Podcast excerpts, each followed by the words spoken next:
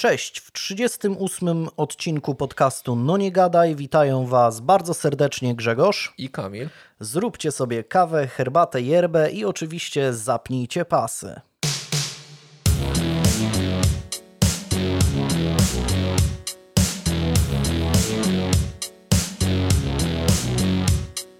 Po ponad miesięcznej przerwie niczym to jest taka miesięcznica tak. ostatniego odcinka. Niczym Feniksy z popiołu wracamy i, i, i, i w pełnej krasie tutaj znowu jesteśmy. No i skoro minęło aż tyle czasu, to pewnie... No oczywiście nic się nie wydarzyło. No, ja sobie tak pozwoliłem tylko wynotować najciekawsze rzeczy, które mogły się ostatnimi czasy wydarzyć. E, jedną z tych rzeczy jest fakt, że Legia jest mistrzem Polski i myślę, że myślę, że, że, że wszyscy się z tego powodu e, bardzo cieszą. Ja tu wprowadzam tą 8-sekundową przerwę jak Lewandowski. Ale żeby tutaj nie, nie, nie dyskutować o, o, o, klubowej piłce aż tak, e, aż tak dużo, no to myślę, że e, i żeby nie wprowadzać żadnego takiego nieprzyjemne, nieprzyjemnej takiej atmosfery, to może chociaż o, o tych powołaniach trenera A. Sousy. E, bo... No znaczy, kiedyś było, ale że Dudka nie wzięli, to teraz jest, ale że Grosickiego nie wzięli? No, no. Nawet tak. chyba Robert Lewandowski się wypowiedział, że jest mu przykro z tego powodu, że, że Grosicki nie został powołany. No nie wiem, no. Nie wiem. Jest przykro, że ty też nie zostałeś powołany na przykład. No, no mi też jest w sumie z tego powodu przykro.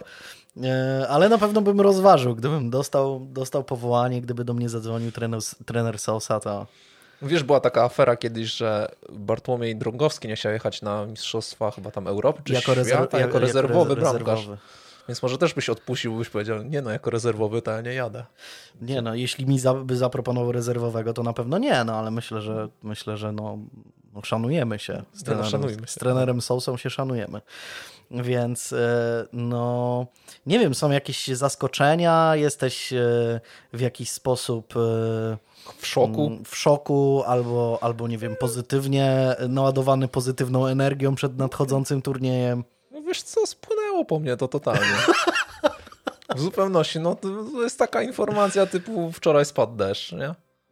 Wiedziałem, że spadnie deszcz i w sumie też się spodziewałem takich, e, no te powołania nie są jakieś takie nie wiadomo jakie, jakieś takie mega niespodziewane. Mhm. To nie jest właśnie, że Dudka nie wzięli na mundial. No ten Grosicki jedynie jest jakiś taki zastanawiający, nie? To znaczy myślę, że też yy, i e, dość... Szymański chyba, o ile dobrze kojarzę, też nie został z, Sebastian Szymański. Tak, tak, tak, tak. tak. No w ogóle wydaje mi się dość, dość ciekawym faktem też to, że ani jeden zawodnik mistrza Polski nie został powołany, no to mnie strasznie powołany dziwi, no. do reprezentacji. No chociaż tego kapustkę mógł wziąć. To znaczy ja w ogóle szczerze mówiąc jestem ogromnym e, fanem e, Bartka Kapustki i jego talentu e, i, i jakoś tak uwierzyłem w niego na samym początku tej jego reprezentacyjnej kariery, nie tyle, jeszcze długo zanim został zawodnikiem Legii. Dlatego tak tak trochę mi, trochę mi smutno, ale mam, na, mam nadzieję, że, yy, że wróci jeszcze do reprezentacji i pokaże, ale, ale... pokaże co potrafi, bo naprawdę w Legii całkiem fajnie, całkiem fajnie sobie no, radzi i znaczy, stał wiesz, się takim kto, liderem trochę. Kto najlepiej sobie radzi w Legii? Znasz moje zdanie. Powinniśmy naturalizować Perkharta i grać na wrzutki. Całe euro grać na wrzutki i tam Perkhart z tego z główeczki, no z baniaka. Tak, no, no, no. To jest fajna taktyka. Wszyscy się, wszyscy się z tego Pekharta nabijali, a zobacz, jest królem strzelców i jakie to życie, mhm. jakie to życie jest przewrotne. No już tak jednemu mojemu koledze, koledze mówiłem, no, że, że, że, jednak, że będziesz szczekał pod, pod, pod stołem. że, że ten gruby Borut, ten, ten, ten napastnik, który nic nie potrafi yy, i tylko, ty, tylko z wrzutek i, i w ogóle tam wszyscy są tacy beznadziejni, a zobacz, a jednak jakoś jakoś doczłapali do tego, do tego no. mistrza i, i nawet kilka szpalerów było na koniec sezonu, więc, więc no miło, miło. E, no to nie wiem, to jak nie, nie chcesz w żaden kontrowersyjny sposób skomentować, e, skomentować to ty masz jakiegoś asa w rękawie? Jeśli chodzi o, o powołania. powołania. Nie. No bo nie wiem, no bo tak mnie tam gdzieś... No nie wiem, myślałem, że może masz jakieś... Znaczy, bo to tak brzmiało trochę jakbyś tym kijem tak, wiesz, idź być grubym gdzie indziej, jakbyś tam trochę tak... Nie, nie, nie. Próbujesz mnie tak pod, pod włos trochę wziąć. nie, nie, no to nie wiem, no to powiedz, co tam, co tam słychać. No nie, co no, robiłeś wiesz, przez ostatni miesiąc? Bo no ja po... nawet nie wiem. No pokażę, że się skoki narciarskie zakończyły i nie będę mógł no. o skokach narciarskich nic powiedzieć. To było dla mnie straszne. Wiesz, ale niedługo pewnie, pewnie będą skoki na Igielicie, co jest w ogóle mistrzostwem świata. Najwspanialsze, najwspanialsze chwile tak naprawdę przeżyłem przed telewizorem.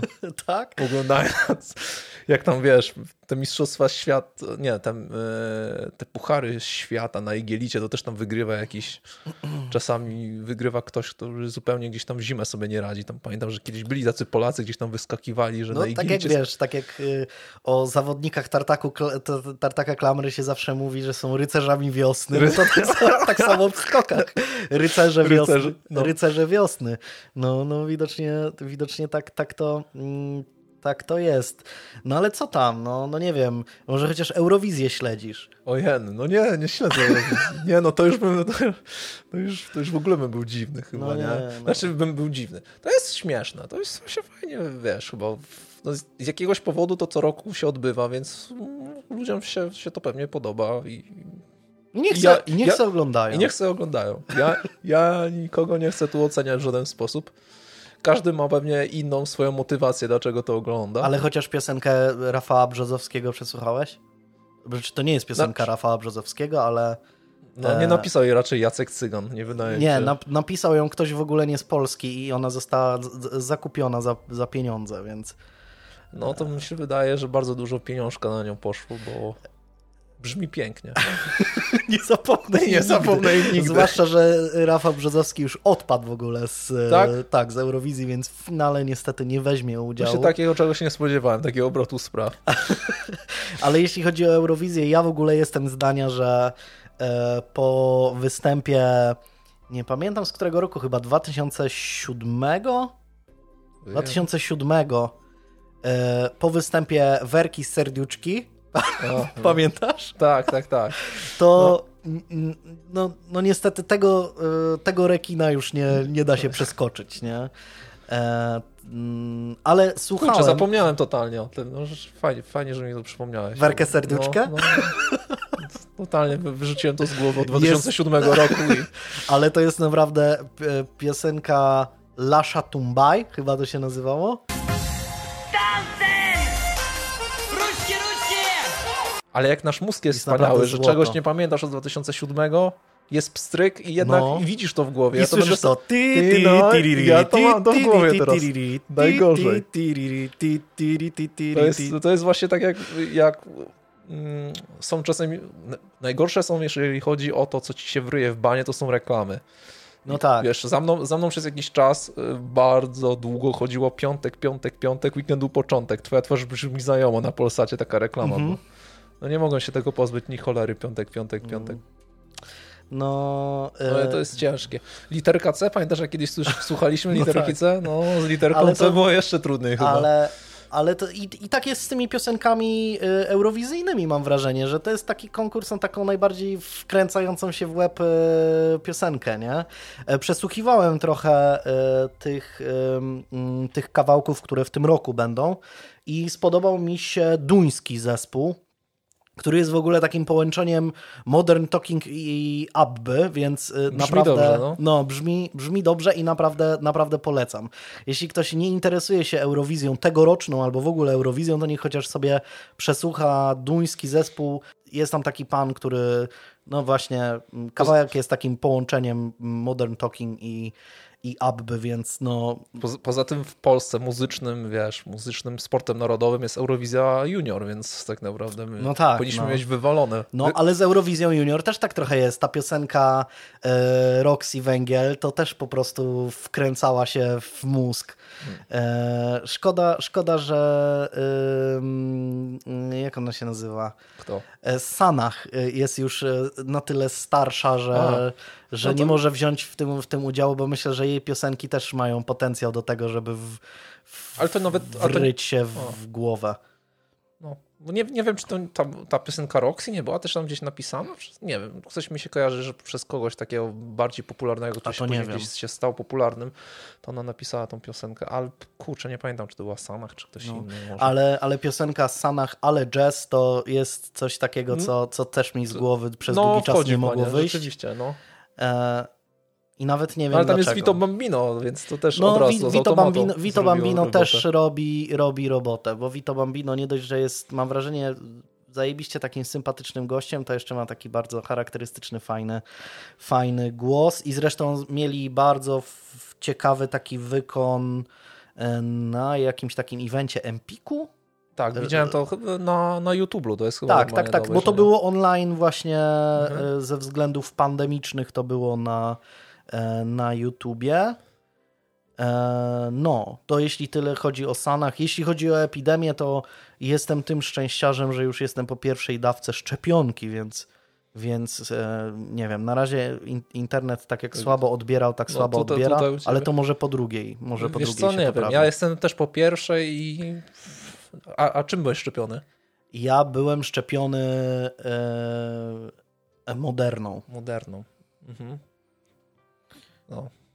Nie wiem. Nie wiem. Ja się nie znam na znaczy, tych szczepionkach, nie wiem. Znaczy, ja byłem szczepiony Astrą, ale to tam internet hula. Akurat jeśli chodzi o Astrę. Ja bym polecał Astrę. Mi się o tyle e, podoba jedna szczepionka, ta jedna jest jednodawkowa, nie? Johnson. Mhm. To tak myślałem, że może tym Johnsonem, ale to nie chciałem wybrzydzać, więc. E, dobra, no to co jeszcze? Coś, coś ciekawego? A, jeśli chodzi, jeśli kogoś interesuje sprawa Xaviera Dupont de Ligonnès, to na naszej grupie jest E, są, mm, e, wstawiłem dwa posty dość długie na temat tej sprawy. Jeśli ktoś śledzi temat, to pewnie zainteres może Was zainteresować taki update sprawy Xaviera Dupont de Ligonnès, którą opowiadałem jakiś czas temu, bo tam śledztwo dziennikarskie zostało przeprowadzone przez magazyn Society, więc może to Was zainteresować. Kolejne części te, te, tych, tych, tych update'ów też będę, będę wrzucał. Coś no, jeszcze? No, wiesz, no nic ciekawego. No, filmowo nas nie, do, nie rozpieszczają za bardzo. No, no były Oscary, były Oscary, ale ciężko się na ten temat wypowiedzieć, no bo ja na przykład tego głównego filmu nie oglądałem, no, no ja bo chyba premiera jest jakby przekładana już chyba teraz 29 maja, chyba dopiero jak teraz kina otworzą, mm. to mhm. chyba będzie, będzie w Polsce premiera, no. więc ciężko no, się cokolwiek ja powiedzieć na ten temat, no bo w większości filmów pewnie nie oglądaliśmy. No nie, ja tylko ostatnio zacząłem oglądać e, animację na Amazon Prime e, i to jest, to jest to e, Invincible. Invincibles? Invincibles, niezwyciężeni. No. Obejrzałem e, tam pierwsze odcinki i jest naprawdę mega póki co, ale no nie chcę, nie chcę mówić jakby o całym sezonie, bo jeszcze nie zakończyłem, może w następnym e, odcinku Mówisz, trochę... o Kajko i Kokosz mówiłeś, chociaż nie był zakończony. No ale Kajko i Kokosz to, to było wydarzenie, no. To było wydarzenie, poza tym na kolejne odcinki e, musimy jeszcze czekać, chyba będą, w tym roku jeszcze będą, więc... No jestem. I, i aktorski film ma być e, z Kajko i Kokoszem, Proszę. więc w ogóle. Na dobre rzeczy trzeba czekać. No. Dlatego nas nie było miesiąc. No, no, no. No tak, tak, tak. E, dobrze. To myślę, że w takim razie przechodzimy już do spraw e, kryminalnych.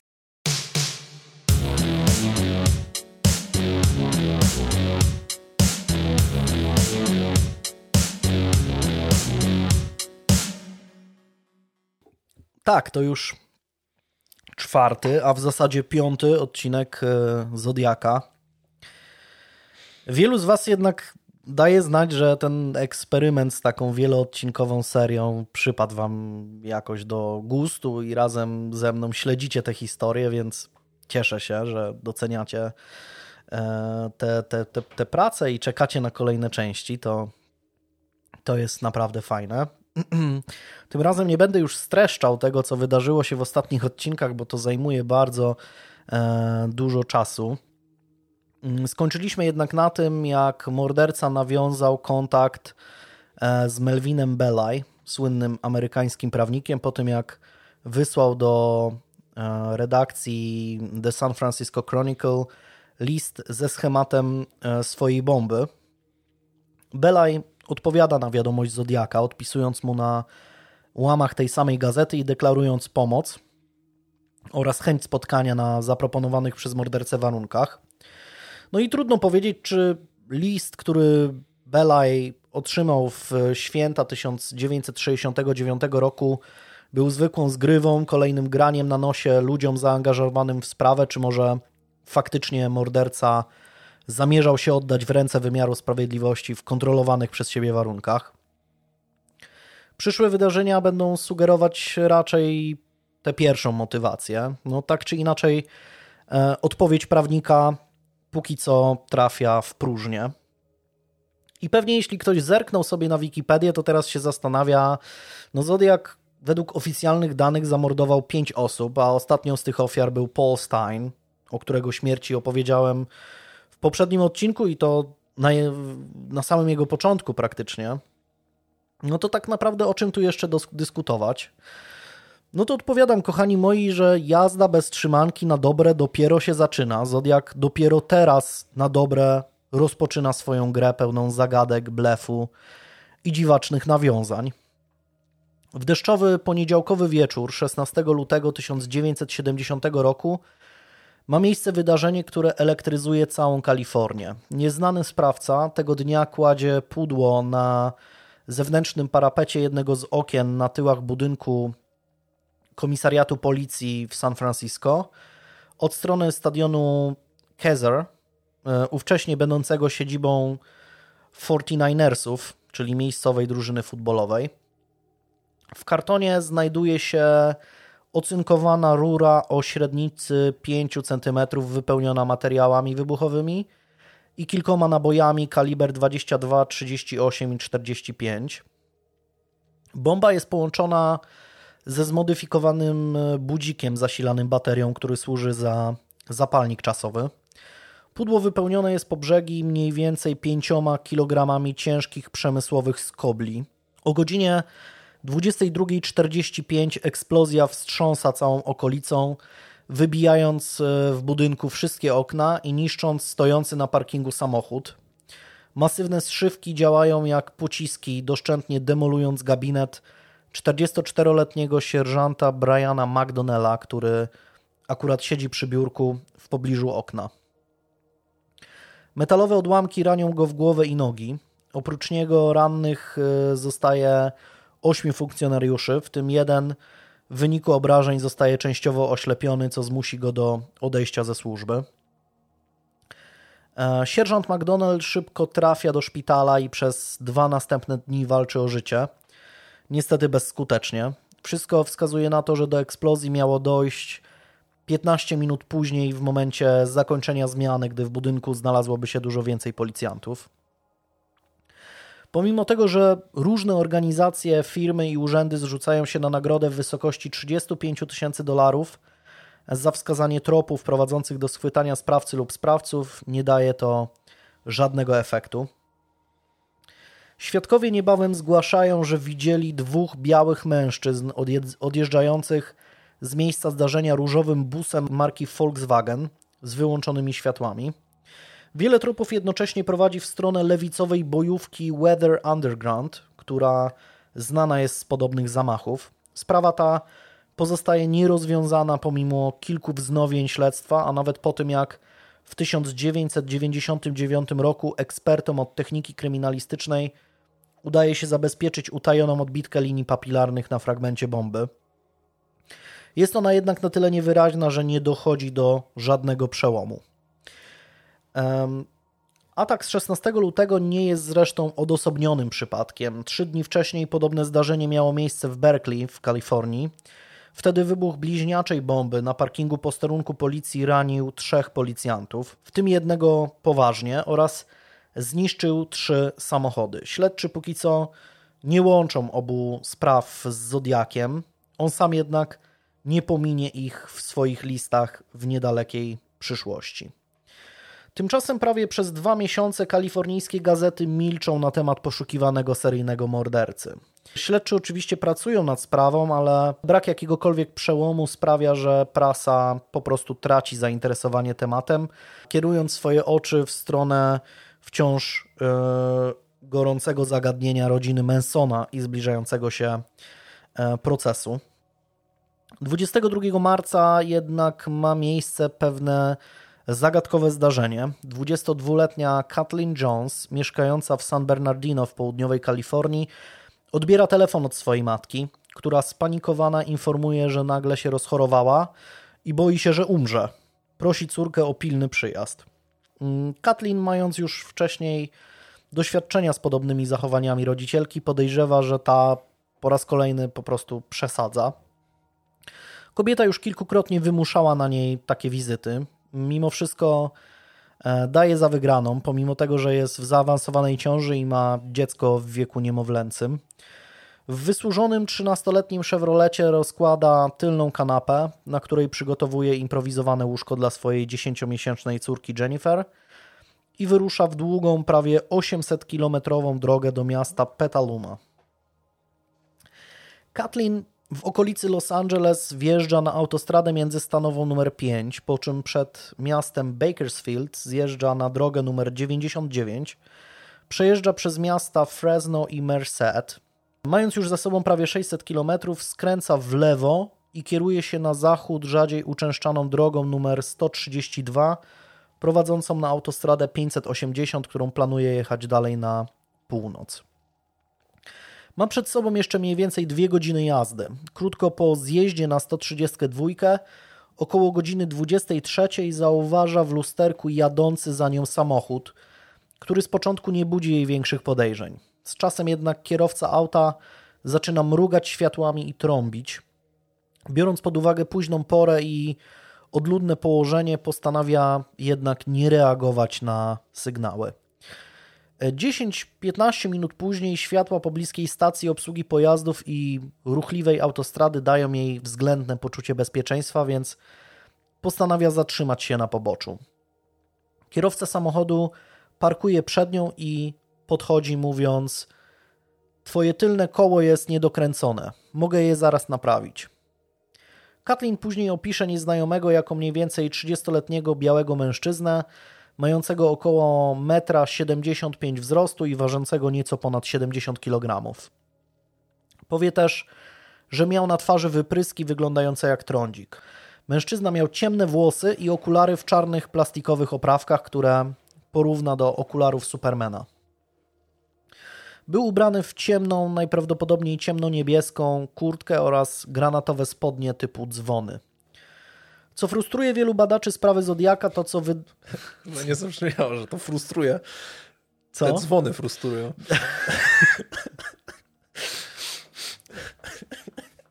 Przepraszam. to tak fajnie zabrzmiało. Miał ubrane dzwony, co frustruje badaczy.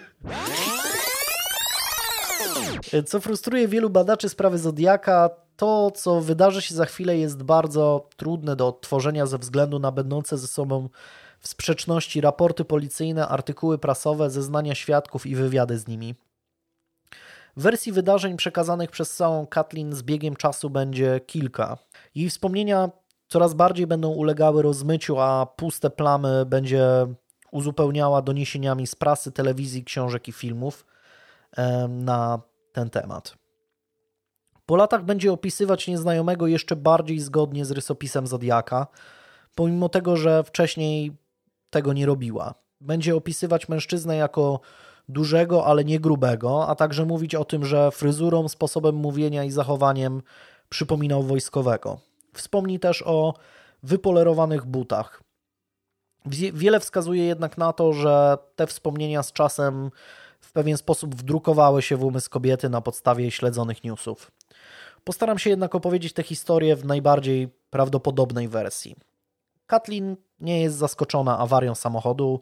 Stary Chevrolet był w marnym stanie technicznym już w momencie zakupu, więc praktycznie wszystko mogło się w nim zepsuć w dowolnej chwili.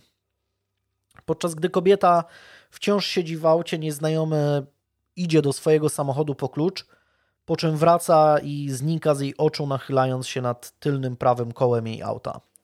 Po minucie lub dwóch mężczyzna z powrotem podchodzi do Kathleen i zapewnia, że udało mu się naprawić usterkę, po czym udaje się do swojego samochodu i bez pośpiechu odjeżdża, kierując się na zachód. Kobieta w jednym z wywiadów udzielanych Kilkadziesiąt lat później powie, że jest pewna, że mężczyzna nie widział śpiącej na tylnym siedzeniu małej Jennifer.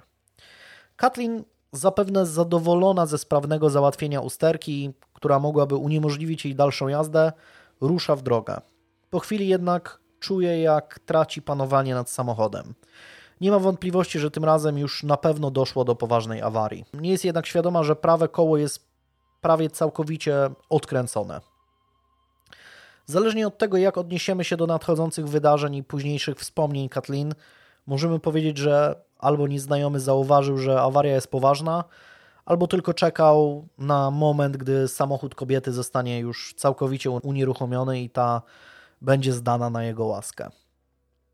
Faktem jest, że mężczyzna natychmiast pojawia się z powrotem na miejscu i oferuje podwózkę do pobliskiej stacji obsługi pojazdów, twierdząc, że najwidoczniej problem jest na tyle poważny, że samochodem musi się zająć specjalista.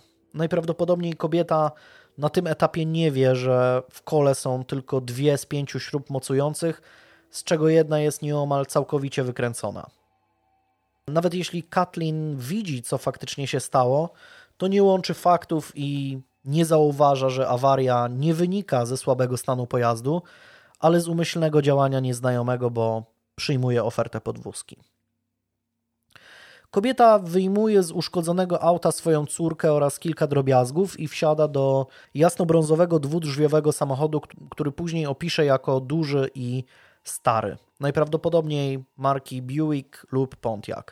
Mężczyzna kieruje się w stronę odległej o zaledwie 3 km stacji obsługi pojazdów sieci Arco. Gdy jednak zbliżają się do niej, kierowca nie zatrzymuje się. Mijając warsztat bez słowa, co zaczyna budzić podejrzenia Kathleen. Między innymi słynna książka Roberta Gray Smitha z 1986 roku e, wskazuje, że kobieta w pewnym momencie pyta nieznajomego, tu cytat, czy zawsze tak pomagasz ludziom? Na co ten rzekomo miał odpowiedzieć, gdy już się nimi zajmę, nie potrzebują już pomocy.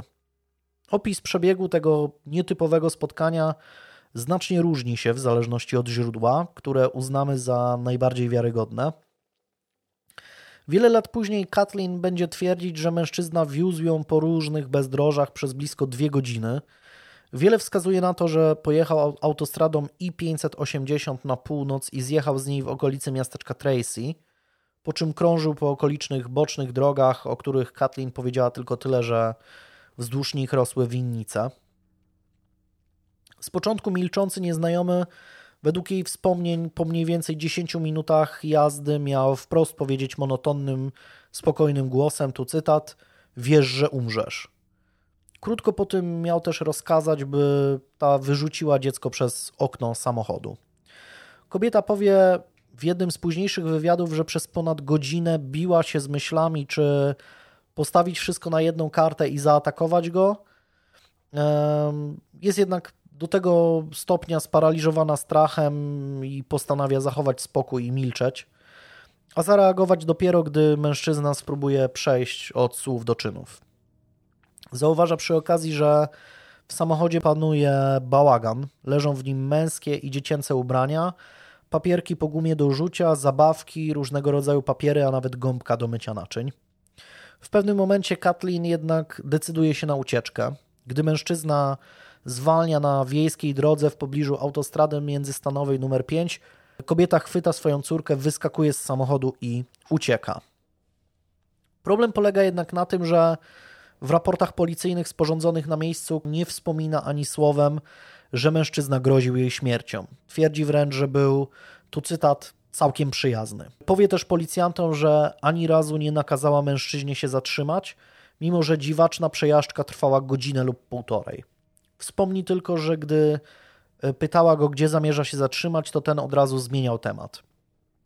Zastępca szeryfa e, hrabstwa Stanislaw Jim Ray Lovett, sporządzający raport, twierdzi, że kobieta uciekła z samochodu, ponieważ czuła, że nieznajomy może zrobić jej krzywdę. To jak na zachowanie Kathleen zareagował mężczyzna również różni się w zależności od tego, e, komu wierzymy. W raporcie policyjnym Kathleen twierdzi, że Kierowca po prostu zamknął drzwi pasażera i odjechał.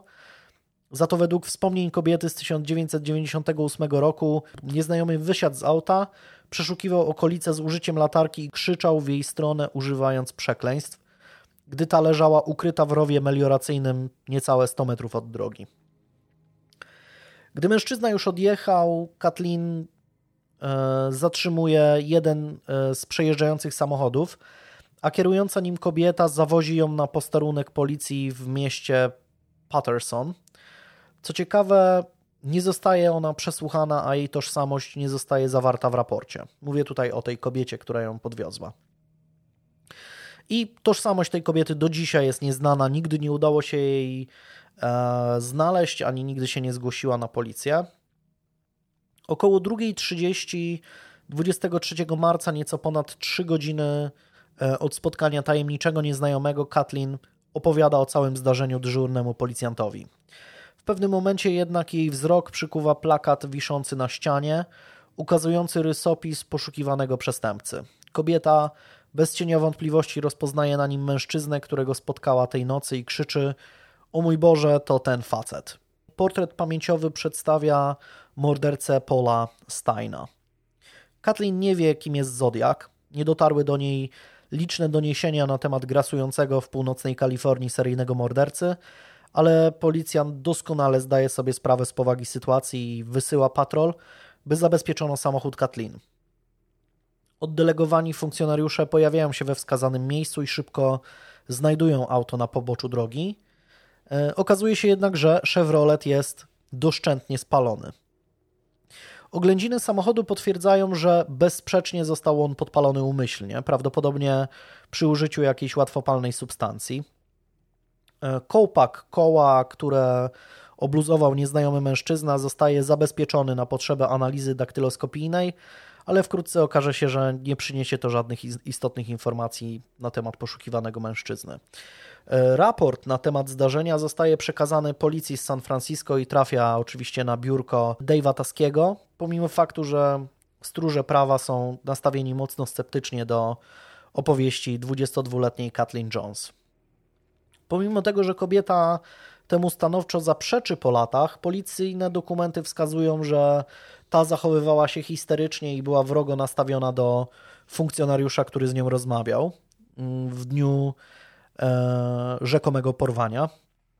To też mogło wpłynąć na, e, na jakby nastawienie samych policjantów do kobiety, że była taka rozhisteryzowana, rozkrzyczana i tak dalej i uznali, że, że może zmyślać częściowo lub w pełni całą sytuację z nieznajomym. 23 marca w egzaminerze i lokalnym dzienniku Modesto B pojawiają się tylko krótkie artykuły na temat całego zdarzenia. Treść jednego z tych tekstów dociera jednak do dwóch mężczyzn, Billa Hortona i Frederika Bimon, którzy kontaktują się z biurem szeryfa hrabstwa Stanislaw. Mm, mężczyźni relacjonują zdarzenie, które miało miejsce wcześniej tego samego dnia, co porwanie Kathleen Jones. Gdy ci jechali drogą 132 w tej samej okolicy, mm, wyprzedził ich biały samochód marki Buick z 1959 roku. Auto ujechało mniej więcej półtora kilometra i zahamowało. Gdy mężczyźni zbliżyli się do niego, kierowca próbował ich zatrzymać, e, machając do nich ręką. Mm, zignorowali go i odjechali, przypominając sobie o zajściu dopiero w momencie, gdy przeczytali, co zaszło w tym miejscu kilka godzin później. Funkcjonariusze biura szeryfa próbują po pewnym czasie odnaleźć dwóch mężczyzn i ponownie tym razem bardziej szczegółowo ich przesłuchać, ale niestety, co zaskakujące, nie udaje im się ich znaleźć. E, śledczy zostawiają swoją wizytówkę matce jednego z nich z prośbą, by skontaktował się z nimi, e, gdy tylko będzie mógł. Mężczyzna jednak nigdy tego nie robi. Z dzisiejszej perspektywy trudno powiedzieć, czy Kathleen Jones faktycznie spotkała Zodiaka. Zeznania kobiety w raportach policyjnych znacznie różnią się od tego, jak wspominała to wydarzenie wiele lat później. Różnice te można wytłumaczyć wieloma czynnikami, np. wielkim stresem, faktem, że wszystko działo się w nocy, lub choćby faktem, że kobieta była wrogo nastawiona do policjanta, z którym rozmawiała, co mogło ją dodatkowo rozdrażnić. Z drugiej strony Kathleen mogła częściowo zmyślić historię i również miała do tego różne powody. Jej małżeństwo wisiało na włosku, więc mogła chcieć wzbudzić współczucie męża i zwrócić na siebie jego uwagę. Niektórzy twierdzą też, że cała historia została zmyślona tylko po to, by wymusić ubezpieczenie. Sam przebieg zdarzenia też jakoś niezbyt pasuje do działania Zodiaka. Ten dotychczas nie bawił się, za wyjątkiem ataku nad jeziorem Beriesa, w jakieś pogaduszki ze swoimi ofiarami. Zazwyczaj atakował szybko i skutecznie, po czym oddalał się z miejsca zdarzenia. Zaproszenie do własnego samochodu też wydaje się zupełnie nie w jego stylu. Czy możliwe jednak, że przechwałki w liście na temat wysadzenia autobusu szkolnego z dziećmi były tylko zwykłym teoretyzowaniem mającym na celu wzbudzenie jeszcze większej paniki? Czy możliwe, że w momencie, gdy kobieta wsiadła do samochodu Zodiaka z niemowlęciem na ręku, mężczyzna postanowił odstąpić od planowanego mm, zabójstwa, nie chcąc krzywdzić dziecka? Wiadomo jednak, że po dziwnym zdarzeniu seryjny morderca nie pobiegł do budki telefonicznej, by pochwalić się uprowadzeniem młodej kobiety. Pisze za to list, ale co ciekawe, nie wspomina w nim ani słowem o Kathleen Jones. A przynajmniej jeszcze nie. Mniej więcej miesiąc po tym dziwnym zdarzeniu 21 kwietnia 1970 roku do redakcji The San Francisco Chronicle trafia koperta ostemplowana dzień wcześniej w San Francisco, jak zwykle z podwójnymi znaczkami. Oto treść zawartego w niej listu. Tu mówi Zodiak. Nawiasem mówiąc, czy udało Wam się złamać mój ostatni szyfr? Moje imię to, i tutaj następuje ciąg 13 liter i symboli. Dalej mm, pisze. Jestem ciekawy, ile warta jest moja głowa. Mam nadzieję, że nie myślicie, że to ja wysadziłem w powietrze tego niebieskiego smutasa na posterunku policji. Nawet jeśli mówiłem o odpaleniu szkolnego autobusu. Tutaj Zodiak używa dokładnie określenia Blue Mini, nawiązując do filmu animowanego Yellow Submarine z udziałem The Beatles, gdzie krainę Pepperland atakują właśnie niebieskie smutasy, czyli ci Blue Minis. Te, te niebieskie smutasy nienawidzą muzyki i chcą zniszczyć krainę Pepperland właśnie. Zodiak dalej pisze. Nie wszedłbym na nie swoje terytorium. Dużo więcej chwały przynosi zabicie policjanta niż, niż dzieciaka, bo gliniarz zawsze może odpowiedzieć ogniem. Dotychczas zabiłem 10 osób. Byłoby ich dużo więcej, gdyby tylko moja bomba nie okazała się niewypałem. Zostałem zalany przez ulewę jakiś czas temu. Następna strona e, przedstawia schemat bomby, który różni się od tego załączonego w jednym z poprzednich listów. Jest na nim ukazana konstrukcja, która ma za zadanie zdetonować ładunek wybuchowy w momencie e, przejazdu szkolnego autobusu. Pod schematem znajduje się też postscriptum. E, tu Zodiak e, pisze: Mam nadzieję, że dobrze się bawicie, próbując wykombinować, kogo zabiłem. Na samym końcu listu znajduje się zapis. Jest narysowany symbol Zodiaka, znak równości 10 i SFPD, czyli San Francisco Police Department, e, znak równości 0. Jeśli chodzi o załączony do listu kod, to do dzisiaj nie został on jednoznacznie złamany. FBI w ogóle jest zdania, że jest on na tyle krótki, że jego rozszyfrowanie jest praktycznie niemożliwe.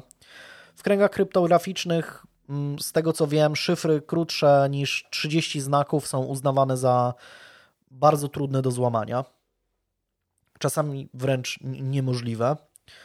E, dodatkowo warto pamiętać o niechlujności Zodiaka i jego prawdopodobnie umyślnych pomyłkach w kodowaniu, które miały już miejsce wcześniej i które uczyniły słynną 340 aż tak trudną do złamania, e, bo została złamana w grudniu zeszłego roku. Biorąc to pod uwagę, można uznać tę zagadkę za praktycznie niemożliwą do jednoznacznego i bezsprzecznego rozwiązania. Bardzo możliwe też, że fraza moje imię to, poprzedzająca szyfr, ma na celu tylko podpuszczenie policji, a w rzeczywistości jest to losowy ciąg znaków lub niewiele znacząca informacja. W kwestii samej treści listu e, znalazło się tu kilka bardzo interesujących informacji.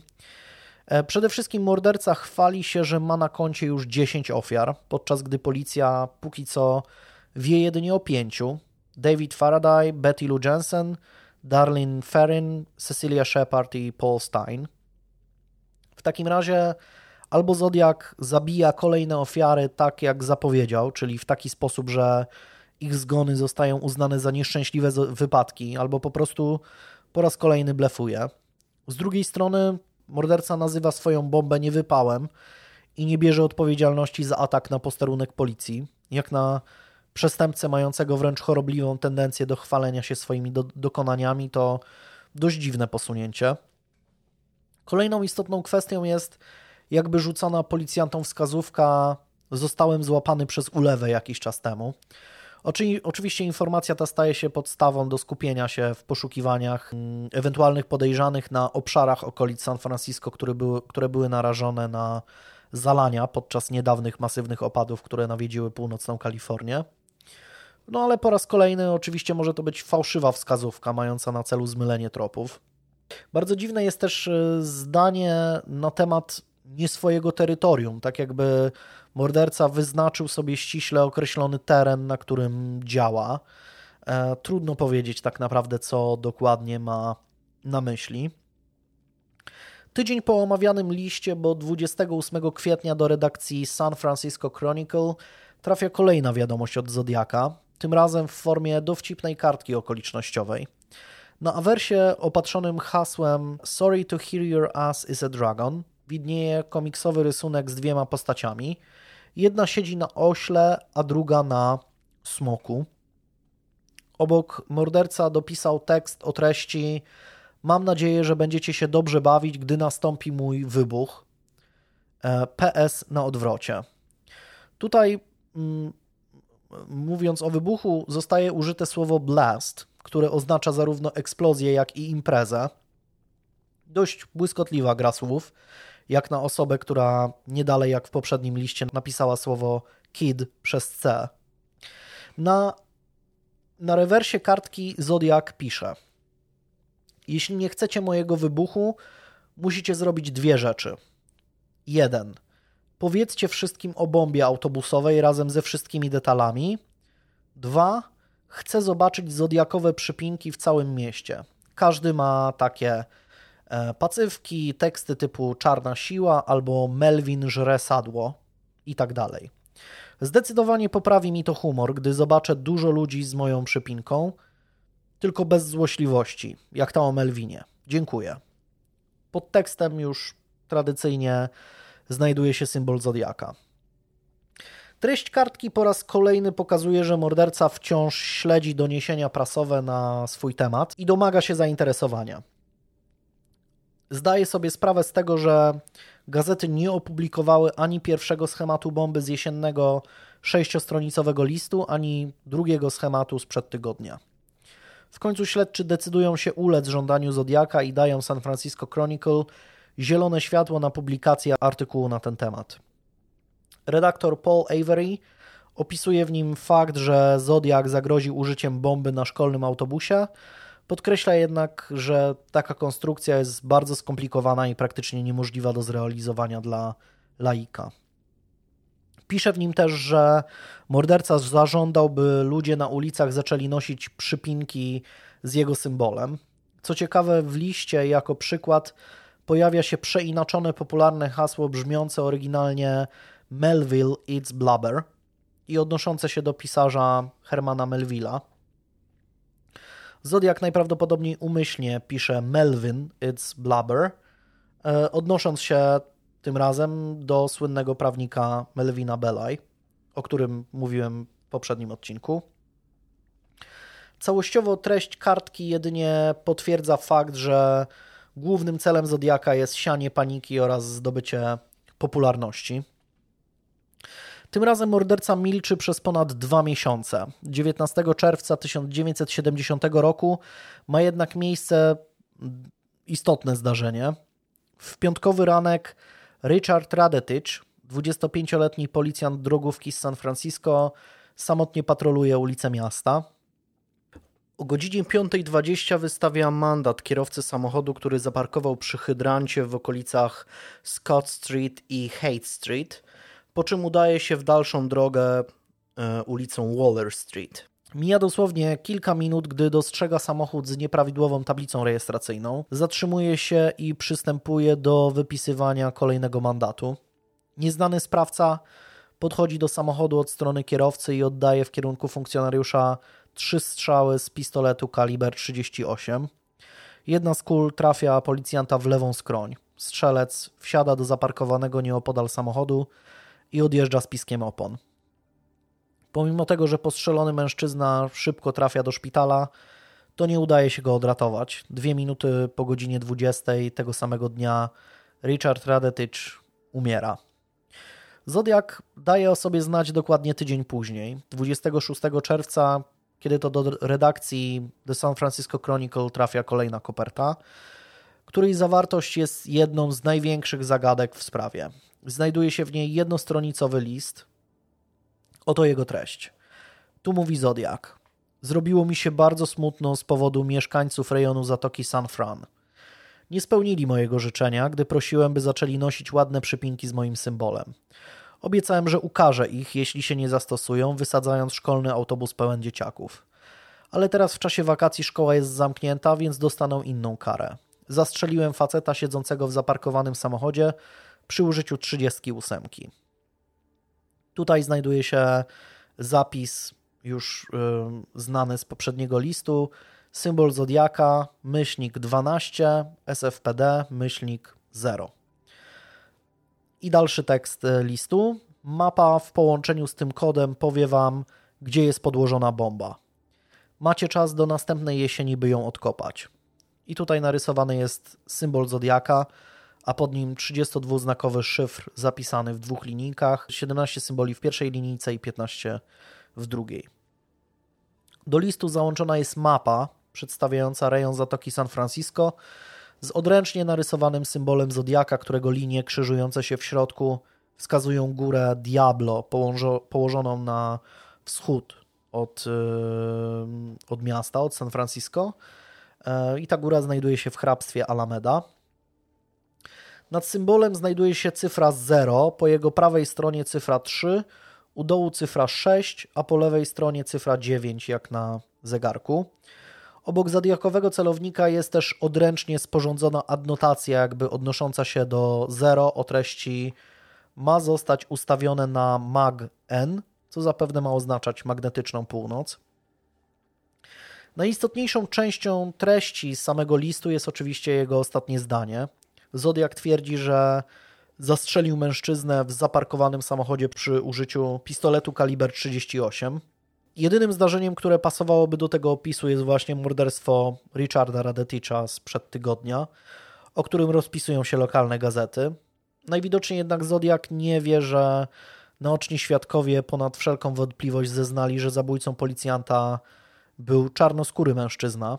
Co więcej, rozpoznali na jednym ze zdjęć byłego więźnia Joe Weasleya Johnsona, za którym już został wystawiony nakaz aresztowania. Mężczyznę co prawda uda się za jakiś czas chwytać, ale okaże się, że nie ma dowodów na jego udział w egzekucji policjanta. Sprawa do dzisiaj pozostaje nierozwiązana, pomimo faktu, że władze San Francisco wciąż oferują nagrodę w wysokości 100 tysięcy dolarów w zamian za wskazanie tropów prowadzących do skazania winnego. Nie ma jednak wątpliwości, że Zodiak nie przyłożył ręki do śmierci Radeticha. Wszystko wskazuje więc na to, że morderca przyznaje się nie do swoich zabójstw, twierdząc ponadto, że przez dwa ostatnie miesiące, które upłynęły od ostatniego listu, dwie kolejne osoby padły jego ofiarą. Zastanawiające, zastanawiające jednak jest to, że nie stara się zamieścić w tej części listu choćby informacji, że zamordowanym był policjant. Nie wymienia go też z imienia i nazwiska. Załączony do listu szyfr po raz kolejny jest na tyle krótki, że jego złamanie jest praktycznie niemożliwe. Fakt, że tylko trzy zawarte w nim symbole są użyte więcej niż raz, jeszcze bardziej czyni zagadkę niemożliwą do rozwiązania, eksperci wprost wypowiadają się mm, o, o tym szyfrze i tym, tym poprzednim jako zwykłym pseudokryptograficznym bełkocie. Miesiąc później, 24 lipca 1970 roku, do redakcji The San Francisco Chronicle przychodzi kolejny, tym razem bardzo krótki list. Oto jego treść. Tu mówi Zodiak. Jestem nieszczęśliwy, dlatego że nie nosicie ładnych przypinek z moim symbolem. Mam więc teraz małą listę zaczynającą się od kobiety i jej dziecka, które zabrałem na raczej interesującą kilkugodzinną przejażdżkę pewnego wieczoru kilka miesięcy temu, która skończyła się tym, że podpaliłem jej samochód. Pod tekstem, jak zwykle, znajduje się symbol zodiaka. Treść listu, pomimo faktu, że od zdarzenia minęły już 4 miesiące, jest oczywistym przyznaniem się do porwania Kathleen Jones. Po raz kolejny Zodiak nie próbuje nawet podawać szczegółów zdarzenia, które mogłyby go w jakikolwiek sposób uwiarygodnić. Interesująca jest też fraza So I now have a little list, która jest pierwszym odniesieniem do operetki Mikado z 1885 roku, skomponowanej przez e, Artura Sullivana i napisanej przez Williama Gilberta. Już wkrótce zresztą dowiemy się, że Zodiak jest w pewien sposób zafascynowany akurat tą sztuką. So I Now Have a Little List to tytuł jednej z piosenek będących jej częścią. Interesujący jest też fakt, że jedną z postaci Mikado jest Koko, nazywany naczelnym katem, który mógłby być inspiracją dla Zodiaka, mm, zwłaszcza e, biorąc pod uwagę fakt, że nad jeziorem Beriesa miał on na głowie kaptur przypominający właśnie ubiór kata. E, kolejny list od mordercy będzie zresztą pełen odniesień do tej angielskiej operetki. List ten trafia do redakcji The San Francisco Chronicle zaledwie dwa dni później. Tekst ma aż pięć stron, a mnogość jego interpretacji do dzisiaj jest obiektem sporów, co tak naprawdę autor miał na myśli. Oto on. Tu mówi Zodiak. Skoro nie chcecie nosić ładnych przypinek z symbolem Zodiaka, co powiecie na noszenie tych brzydkich? Lub jakichkolwiek przypinek z symbolem Zodiaka? Jeżeli nie chcecie ich nosić, to w takim razie jestem zmuszony, poza wszystkim innym, torturować wszystkich moich trzynastą niewolników, którzy czekają na mnie w raju. Niektórych przywiążę nad mrowiskiem i będę się przyglądał, jak wrzeszczą. Trzęsą się i wiją. Innym powbijam drzazgi pod paznokcie, a potem je podpalę. Innych wsadzę do klatek i będę karmił dosyta soloną wołowiną, a później słuchał, jak proszą o wodę i śmiał się z nich. Jeszcze innych powieszę za kciuki i będę ich przypiekał na słońcu, a później nasmaruję maścią mentolową, by ich jeszcze bardziej rozgrzać. Kolejnych oskuruję żywcem i pozwolę im wrzeszczeć i biegać w kółko i wszystkich graczy bilardowych zamknę w ciemnym lochu z krzywymi kijami i, po, i w powykręcanych butach. Tak będę się doskonale bawił, zadając najwyśmienitszy ból moim niewolnikom. Pod wiadomością znajduje się symbol zodiaka, zajmujący prawie pół strony, e, wraz ze znakiem równości i liczbą 13. Obok już, e, już znany zapis SFPD równa się 0. Następne trzy strony listu to prawie dosłowny zapis fragmentu libretta z pierwszego aktu opery Mikado, jedynie z błędami ortograficznymi i zmianami słów, wyglądającymi tak, jakby autor listu nie spisywał ich z gotowego jakiegoś tekstu, ale z niewyraźnego nagrania lub z pamięci. Momentami brzmi to trochę jak słynne terenaście terendaście Krzysztofa Cugowskiego.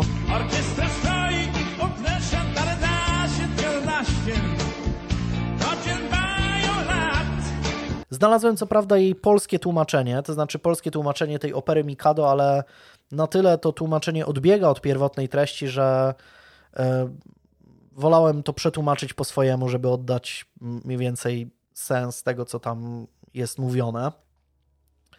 Jednocześnie przepraszam entuzjastów operetek, a zwłaszcza opery Mikado. Mm, to tłumaczenie ma na celu jedynie właśnie oddanie sensu i próbę jakiegoś znalezienia motywu działania Zodiaka. Więc to jest dalsza część listu. Pewnego dnia to może się zdarzyć. Ofiara musi zostać odnaleziona. Mam małą listę. Mam małą listę przestępców, którzy równie dobrze mogą być pod ziemią, za którymi nikt nie zatęskni, za którymi nikt nie zatęskni. Jest tam nieznośne utrapienie, które pisze o autografy. Wszyscy ludzie mający sflaczałe dłonie i irytujący śmiech. Wszystkie dzieciaki, które są na czasie i błagają z implatem. Takie słowo tam pada. Wszyscy ludzie, którzy gdy wymieniają uściski dłoni, robią to właśnie tak. I wszystkie osoby trzecie, które pomysłowo biorą tych, którzy nalegają. Nikt za nimi nie zatęskni, nikt za nimi nie zatęskni. Jest tam pieśniarz z banjo i inni jemu podobni i pianista organista. Jego też mam na liście. Wszyscy ludzie, którzy jedzą miętówki i plują ci nimi w twarz. Nikt za nimi nie zatęskni. I idiota, który z entuzjazmem wychwala wszystkie wieki oprócz tego. I wszystkie kraje prócz swojego. I ta dama z prowincji, która stroi się jak chłop, który nie płacze. I ta jedna anomalia, dziewczyna, która nigdy się nie całowała. Nie wydaje mi się, by ktokolwiek za nią zatęsknił. Jestem pewien, że nikt za nią nie zatęskni. I ta ładna pożyczka, która jest raczej powszechna. Ten sądowy komik, jego też mam na liście. Wszystkie śmieszki, komicy i klauni w prywatnym życiu. Nikt za nimi nie zatęskni, nikt za nimi nie zatęskni. I bezkompromisowy typ, jak sam wiesz kto i jakiś tam, cóż, nieważne, i tut, tut, tut, tut, tut, i jak on się zwał, i sami wiecie kto. Zadanie wypełnienia tych luk zostawiam wam. Jednak nie ma różnicy, kogo wpiszecie na listę, bo nikt za nimi nie zatęskni, nikt za nimi nie zatęskni, nikt za nimi nie zatęskni. E, tak, więc no, myślę, że możemy dojść tutaj do e, konsensusu, że kurwa nie wiadomo o co chodzi. E, to znaczy, ten tekst ma w ogóle e, oryginalny tekst libretta e, Mikado e, jest, no, został on napisany dawno, dawno temu, no, to jest z, z 1885, więc ten język jest mm, w tamtym wypadku dość mocno taki archaiczny, a to jak y, przez filtr y, swojego, że tak powiem, umysłu przepuszcza to Zodiak, brzmi to już zupełnie bez sensu, jest pełne błędów ortograficznych i tak dalej, dlatego polecam w ogóle y, obejrzeć sobie te listy, wszystkie je mm, załączę do, do postu na, na Facebooku, ale można, mniej więcej macie obraz tego, jakie to jest wszystko popieprzone. Pod tekstem znajduje się symbol Zodiaka zajmujący dwie trzecie strony oraz jedno dodatkowe zdanie. PS, kod góry Diablo dotyczy radianów i cali wzdłuż radianów. Momentami autor listów przeinacza oryginalne słowa libretta, robiąc przy tym całą masę błędów ortograficznych. Trzeba przyznać, że o ile większość wiadomości od Zodiaka miała na celu przekazanie konkretnych, zazwyczaj dość zwięzłych informacji, to tym razem tak jak mówiłem, totalnie nie wiadomo o co mu chodzi. Bez wątpienia morderca nawiązuje do szyfru 408, w którym również wspominał o niewolnikach i raju. W tekście wiodący jest motyw tortur, e, o których nigdy wcześniej nie było mowy. Samo modus operandi Zodiaka również polegało raczej na szybkich egzekucjach, a nie upajaniu się cierpieniem ofiar. Samo cytowanie tekstu operetki oczywiście może być sporą wskazówką. Trudno się dziwić, że nagłe zainteresowanie akurat sztukami teatralnymi bardzo zastanawia śledczych. Z jednej strony autor listów robi całą masę błędów ortograficznych, konstruuje krótkie i proste zdania jak osoba o znikomym wykształceniu, a z drugiej zaś cytuje libretto angielskiej sztuki teatralnej. Bez wątpienia na tym etapie policjanci z San Francisco i FBI które od pewnego czasu włączyło się w sprawę, no, mają niezły mindfuck w głowie. Tak się składa, że w tym czasie w San Francisco działa grupa teatralna The Lamplighters, która wystawia właśnie tę sztukę w teatrze położonym na skrzyżowaniu Turk Street i Masonic Street, zaledwie półtora kilometra od miejsca, w którym zamordowano Paula Steina. Pomimo tego, że śledczy oczywiście łapią się tego tropu i przesłuchują członków grupy, a także ludzi jakkolwiek zaangażowanych w jej działanie, to nie udaje się znaleźć ani jednej osoby, która byłaby obiecującym kandydatem do bycia poszukiwanym seryjnym mordercą. Z końcem lata 1970 roku śledztwo wciąż stoi w miejscu, będąc mniej więcej na tym samym etapie co rok wcześniej, a Zodiak znowu znika na dłuższy czas. 31 lipca Laboratorium Kryminalistyczne Policji San Francisco wydaje raport dotyczący dwóch ostatnich listów. Okazuje się, że na dwóch stronach jednego z nich odkryto 8 odbitek linii papilarnych, które są na tyle wyraźne, by stanowiły próbki porównawcze. Przy okazji wykluczono możliwość, że odciski należą do któregokolwiek pracownika, dziennika lub funkcjonariusza policji. Kolejna wiadomość przychodzi 7 października 1970 roku, jak zwykle do redakcji The San Francisco Chronicle. Tym razem autor samodzielnie przygotowuje pocztówkę wykonaną z przyklejonych do tektury wycinków gazety. W jej prawym górnym rogu znajduje się data 5 października 1970, a niżej tekst. Drogi redaktorze, znienawidzisz mnie, ale muszę ci powiedzieć. Nie zwolniłem ani trochę. W sumie jest już jedna wielka trzynastka. Niektórzy z nich się bronili, to było okropne. Na samym środku kartki jest przyklejony czerwony krzyżyk zrobiony z e, papieru, wycięty z papieru. Pod nim do góry nogami widnieje dalszy tekst. E, to jego treść. Są doniesienia, że gliniarze siedzą mi na ogonie. FK, co prawdopodobnie oznacza fuck, jestem nie do rozszyfrowania. Jaka jest teraz cena?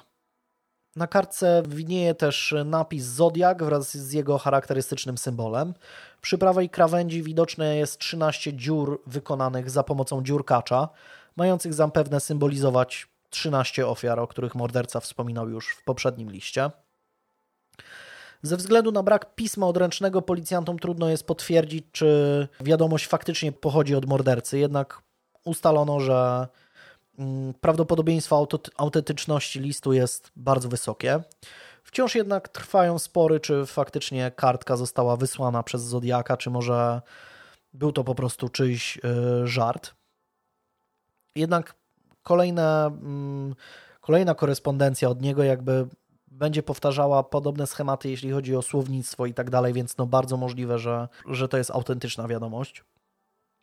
Praktycznie od samego początku, gdy The San Francisco Chronicle staje się głównym pośrednikiem w komunikacji z mordercą, jeden z dziennikarzy gazety, o którym już wspominałem, Paul Avery, zajmuje się pisaniem artykułów na temat sprawy Zodiaka. Mężczyzna jest doświadczony w zawodzie. W drugiej połowie lat 60. przeprowadził się wraz z rodziną do Wietnamu, by relacjonować stamtąd przebieg toczącej się tam wojny. E, a od 1969 roku bardzo zaangażował się w sprawę Zodiaka, prowadząc nawet swoje własne dziennikars dziennikarskie śledztwo. E, na podstawie własnych przemyśleń 18 października 1969 1969 roku opublikował artykuł pod tytułem Zodiak portret mordercy, w którym pisze, tu cytat, Morderca pięciu osób, który nazywa siebie Zodiakiem, jest niezdarnym kryminalistą, kłamcą i najprawdopodobniej ukrytym homoseksualistą. 29 października, ponad rok po jego artykule do redakcji San Francisco Chronicle, przychodzi kolejny list. Pomimo tego, że nazwisko dziennikarza jest przekręcone, to nie podlega wątpliwości, że tym razem Zodiak pisze bezpośrednio do Paula Averiego.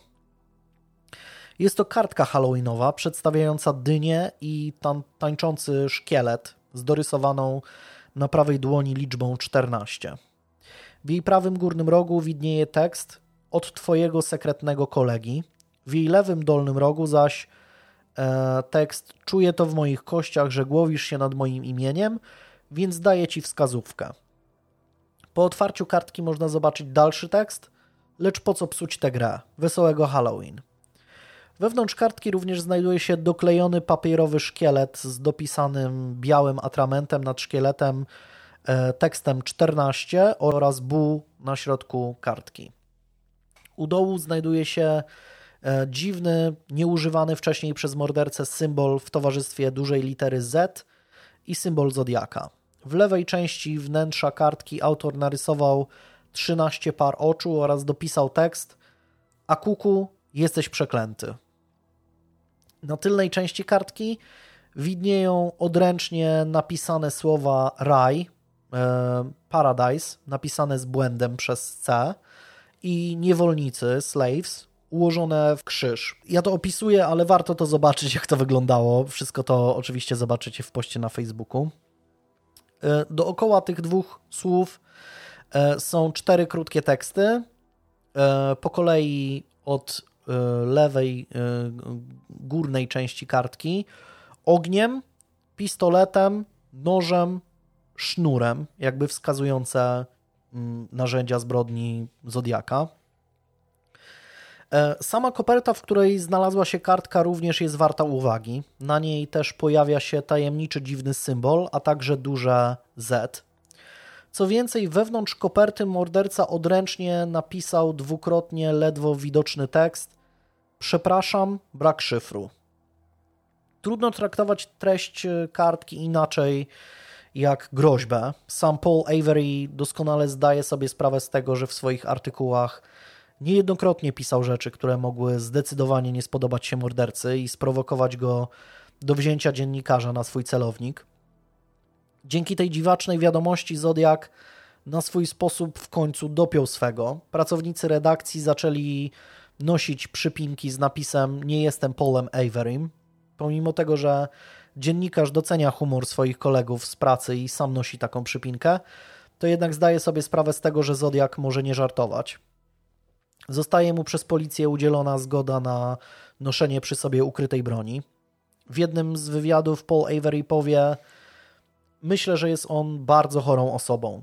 Jest też bardzo przebiegły. Nie jest co prawda geniuszem, ale z pewnością nie jest też głupi. Myślę, że ma on coś w rodzaju zwierzęcej przebiegłości. No i z pewnością cierpi na bardzo poważną chorobę, która każe mu zabijać. E, specjaliści z FBI e, długo głowią się nad tym, co tak naprawdę motywowało mordercę do wysłania wiadomości z tak dużą ilością trudnych do zinterpretowania symboli. Słowa na temat wskazówki zdają się sugerować, że w treści kartki kryje się trop prowadzący do poznania tożsamości Zodiaka. Z drugiej strony jednak nie załącza do przesyłki szyfru, jak miał w zwyczaju i z jakiegoś powodu przeprasza za jego brak. Jakby tego było mało, twierdzi też, że zamordował kolejną osobę. Pojawiająca się dwukrotnie liczba 14 raczej nie pozostawia co do tego wątpliwości, pomimo faktu, że kalifornijska policja nie jest w stanie na tym etapie przypisać mu jakiejkolwiek nierozwiązanej sprawy morderstwa. Czy możliwe w takim razie, że Zodiak po zabójstwie Paula Steina do tego stopnia przestraszył się, gdy policja była dosłownie o krok od jego schwytania, że postanowił już jedynie straszyć mieszkańców San Francisco swoimi listami. Gazety w całej Kalifornii rozpisują się na temat seryjnego mordercy, który wysłał do jednego z dziennikarzy tajemniczą halloweenową kartkę. Wieści te trafiają też szerokim strumieniem na południe stanu, w tym do oddalonego ponad 600 km Riverside. Tam sprawa budzi zainteresowanie pewnego domorosłego detektywa, który łączy Zodiaka z nierozwiązanym brutalnym zabójstwem 18-letniej studentki sprzed 4 lat. Mężczyzna postanawia skontaktować się z Paulem Averym, pisząc do niego list. No ale jak rozwinie się ta historia? E, o tym opowiem wam w kolejnym odcinku. No nie. E, Skończ już to. E, jeszcze, jeszcze, jeszcze, jeszcze trochę będzie na ten temat. No, przepraszam, ale, ale no niestety materiału jest sporo i myślę w ogóle, zastanawiam się, czy nie zrobić czegoś takiego, że ten odcinek, który będzie, będzie ostatnim odcinkiem serii, a później może nagram jakiś taki bonusowy odcinek, gdzie mm, omówimy powiedzmy trochę portret psychologiczny Zodiaka i ewentualnych podejrzanych. E, I on będzie jakby dodatkowo jako, mm, mm, jako dodatkowy materiał dla tych, którzy są zainteresowani do tego stopnia sprawą Zodiaka, że, że chłoną po prostu wszystko.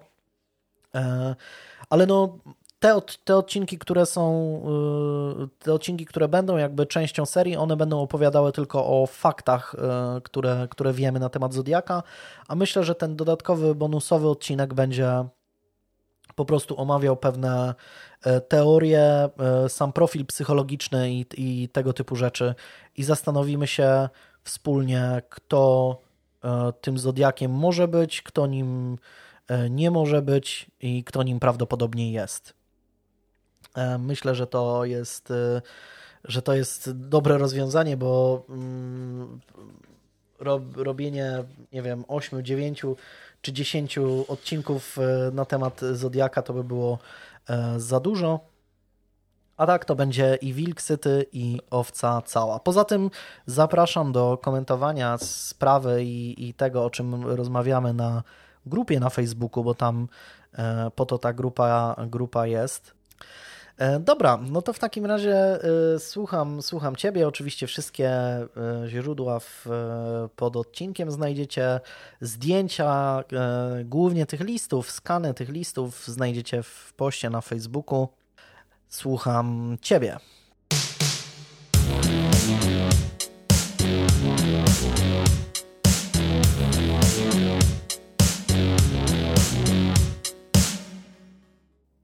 Moja historia tradycyjnie dzieje się w Polsce. W Polsce jest 14 maja, czyli 134 dzień roku, 20 tydzień, to jest rok pański 1974. Jest to dzień, w którym obchodzi się święto farmaceuty. Imieniny miała przykładowo Ampelia, Ampeliasz, Bonifacy, Koryna czy Wiktor. I jak sprawdziłem zgodnie z internetową kartką z kalendarza przysłowiem dnia było między innymi na koniu jedzie, a konia nie widzi. Tym czasie też w Bydgoszczy doszło do niebywałego odkrycia. Yy, dokładnie to w granicach administracyjnych miasta Fordon, które wcześniej zostało dzielnicą Bydgoszczy. Zygmunt Krasicki zamieszkały na ulicy Witebskiej. Jak zwykle korzystał z uroków pobliskiego toru regatowego, gdzie łowił ryby. Najpierw robił to z barki, a później z brzegu przy budynku sędziowskim. Sam nie pracował, więc to był jego sposób na spędzanie czasu i przy okazji możliwość przyniesienia jakiegoś pożywienia do domu. Gdy udało mu się już wyłowić pełną siatkę, zauważył w wodzie jakiś przedmiot, który początkowo wydał mu się zatopionym manekinem. Bardzo go to zaciekawiło, więc szedł bliżej wody, zanurzył kasarek i podniósł do góry. Okazało się, że była to ludzka noga, która po wyciągnięciu sama zgięła się w kolanie. Wystraszony rybak rzucił ją natychmiast ponownie do wody i wezwał służby. We wskazanym przez Zygmunta miejscu milicja wyciągnęła z wody dwie nogi i ludzką rękę. Oprócz milicji na miejscu zjawiło się już wiele gapiów, z których większość to byli wędkarze korzystający z uroków majowej pogody. Niektóre części ciała były tak jakby odrąbane, inne wyłuskane ze stawów w sposób na początek jawno dowodzący znacznej wiedzy z dziedziny anatomii. Przynajmniej w związku z takimi początkowymi wnioskami można było ustalić, iż doszło tutaj do morderstwa, nie jakiejś przypadkowej śmierci wskutek dostania się człowieka, nie wiem, w obręb działania jakiejś śruby okrętowej, czy bardziej jakiegoś przyziemnego utonięcia, więc raczej tutaj jakaś szybka odmowa wszczęcia, to to odpadała. Na podstawie bardziej szczegółowych oględzin biegłych medycyny sądowej ustalono, że znalezione części ciała należały do kobiety w wieku od 20 do 40 lat. Położone wysoko na udach sińce mogły świadczyć o wykorzystaniu seksualnym. Jasne wydawało się, że kobieta przed śmiercią walczyła z napastnikiem, na co wskazywały liczne krwawe podbiegnięcia na ciele. Samo poćwiartowanie zwłok nastąpiło po śmierci, a górne kończyny zostały odcięte długim, ostrym narzędziem, gdy dolne y, podobnym do młotka murarskiego. Same kończyny mogły leżeć w wodzie maksymalnie 20 godzin. Na ten moment było to wszystko. Mm, nie było totalnie więcej nic. Nie wpłynęło żadne nowe zawiadomienie o zaginięciu, którym można byłoby łączyć e, tą kobietę, którą, której części ciała znaleziono e, na torze regatowym. Zaczęto więc szukać trochę po omacku. Zwrócono się m.in. do Zakładu Kryminalistyki Komendy Głównej MO w Warszawie o ekspertyzy określające grupę krwi denatki czy zawartość alkoholu oraz określenie dokładniejszego wieku denatki na podstawie tzw. Tak szlifów kostnych, bo jednak określenie wieku od 20 do 40 no to jest dosyć, dosyć, dosyć, dosyć duże widełki. Funkcjonariusze zostali zadaniowani na legitymowanie wszelkich osób mogących posiadać jakieś ślady świeżych obrażeń. Zatrzymany został m.in. jeden z mieszkańców ulicy, ulicy Witebskiej, który to miał na twarzy i rękach liczne rany, a w kieszeni dwa zegarki, w tym jeden damski, który był nie do końca wiadomego pochodzenia, nie do końca był w stanie wytłumaczyć, skąd on się tam u niego w kieszeni wziął. Tłumaczył, że pił z kolegami w Fordonie, a wracając do domu parę razy upadł i sobie ten głupi łeb rozwalił. Miał na sobie dopiero co wypraną jeszcze wilgotną marynarkę. Niestety okazało się, że był to fałszywy trop i, i, i Henryk musiał zostać zwolniony i jakby dalej móc sobie tam układać cegły na budowie przy ulicy Witebskiej. Jak już wspomniałem, teren ten był uwielbiany, jest uwielbiany przez wędkarzy i no cały czas ma, ma duże wzięcie. Śledztwo w przód zatem mógł pchnąć głównie świadek, który był w przedmiotowym okresie na rybach. Milicjanci przesłuchiwali kolejnych wędkarzy, ale ten najważniejszy zjawił się sam, pukając w okno milicyjnego radiowozu. Był to mieszkaniec również ulicy Witebskiej, pan Roman, który w trakcie przesłuchania zeznał, i tu cytuję: Słyszałem o znajomych, że na torze regatowym biorą leszcze. Coś mnie podkusiło, żeby zajrzeć tam w środku nocy. Przeskoczyłem przez bramę i po betonowym nabrzeżu zszedłem do samej wody. Nagle zobaczyłem nieznajomego mi mężczyznę, który siedział na skarpie oparty nogami o występ. Pomyślałem, że to jakiś wędkarz. Zapytałem nawet, czy coś złowił, ale bardzo się spieszył, bo wymamrotał tylko zaraz przyjdę, zaraz przyjdę. I ruszył przed siebie. Niósł jakąś starą, pustą walizę. Zaskoczyło mnie, bo wędkarze z reguły są rozmowni. Na co łowisz? Na śniadanie! Na, na dokładnie, o, dokładnie o tym. Właśnie na to liczę, że to powiesz. Bieru? Jo, już rower bier... zabrali.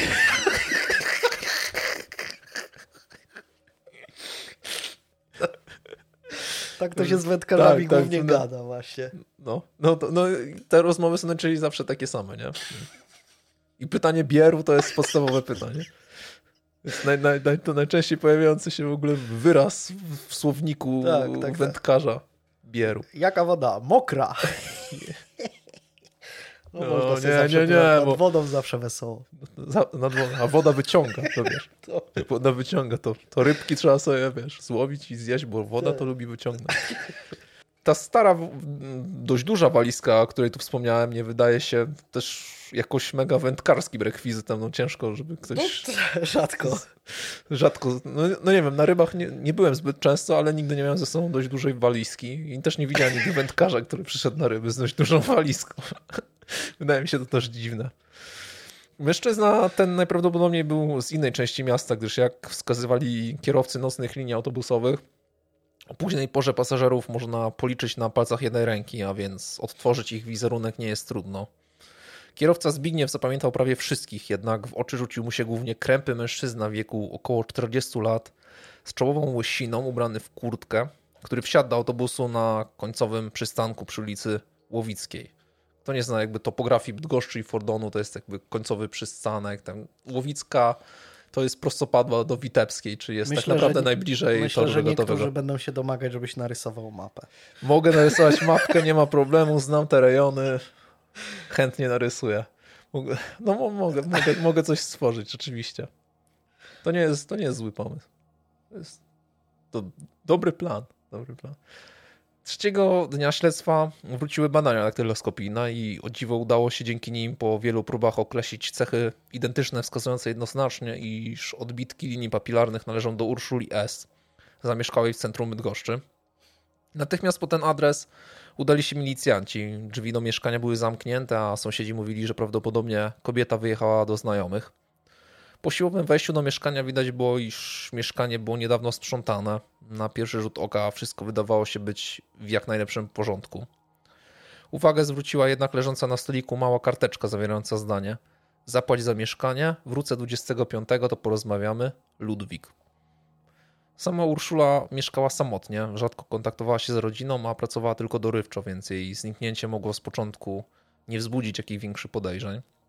Sąsiedzi, jak to sąsiedzi, stali się wręcz upoważnieni do wydawania na jej temat opinii. Między innymi jedna z sąsiadek powiedziała: Na podstawie własnych obserwacji wiem, że do mieszkania Urszuli S. przychodzili różni mężczyźni, jak i koleżanki, tak w porze dziennej, jak i wieczorowej. Wyprawiali tam libację. Na końcu Urszula upijała się sama i chodziła w takim stanie po korytarzu.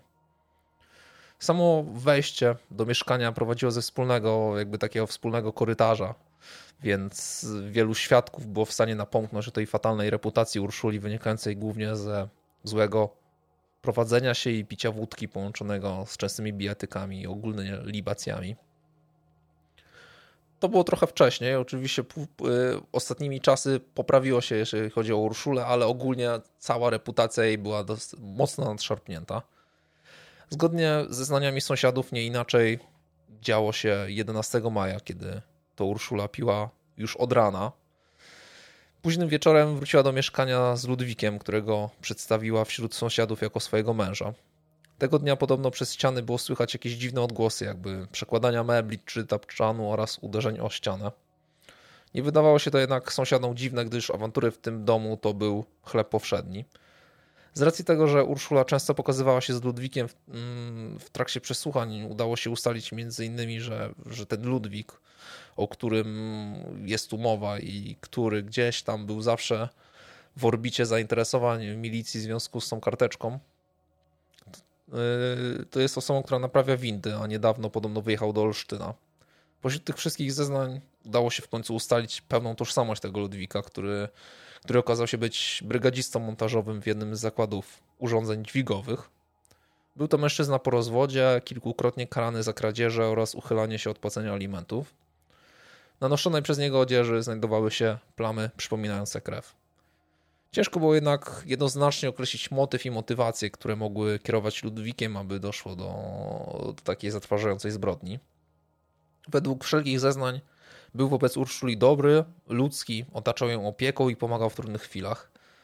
Niewykluczone, że myślał o trwałym związku. Mm, tytułowali się między sobą mężem i żoną. Sąsiedzi nigdy nie zauważyli, by dochodziło między nimi do jakichś większych nieporozumień czy awantur. Mm, po poznaniu Ludwika Urszula przestała nawet pracować, gdyż, gdyż to on zajmował się jej utrzymaniem. Sam Ludwik nie pił alkoholu, więc był taką dość dużą przeciwwagą dla Urszuli. Ona sama rozpływała się znajomym, że, że nigdy jej nie skrzywdził. Sąsiadka Irena w swoich zeznaniach powiedziała, że w ostatnim okresie, chyba około, około Wielkanocy, Ludwik kupił Urszuli różne przedmioty, jak zamszową spódnicę, popielaty sweter, granatowe spodnie z krępliny i różowy kostium za 2,5 tysiąca złotych. Podarował jej też buty na wysokim obcasie w kolorze złota. Za pieniądze Ludwika Urszula zakupiła beżowy płaszcz z laminatu i dwie suknie. Wyobrażasz sobie to takie coś, żeby ogarnąć, że, że sąsiad ma, że sąsiadka obok ma zamszołą spódnicę i popielaty sweter? No, trzeba być czujnym obserwatorem. Czujnym przyrody, tak. Y, no, ogólnie to nie ma żadnego jakby znaczenia w tej sprawie, ale uznałem, że warto to przytoczyć, aby zobaczyć, jak to, wiesz, jak to obserwowanie codzienne było ciekawe i, i to ocenianie e, sąsiedzkie. Wtedy też takie memy o sąsiadzie złodzieju mogły być w ogóle bardzo popularne, nie? mieć dużo więcej wspólnego z prawdą niż tak naprawdę Na dzisiaj. E, z samego nieszczęsnego 11 maja podczas imieninowego przyjęcia u sąsiadów nie doszło między nim a Urszulą do, do żadnej sprzeczki.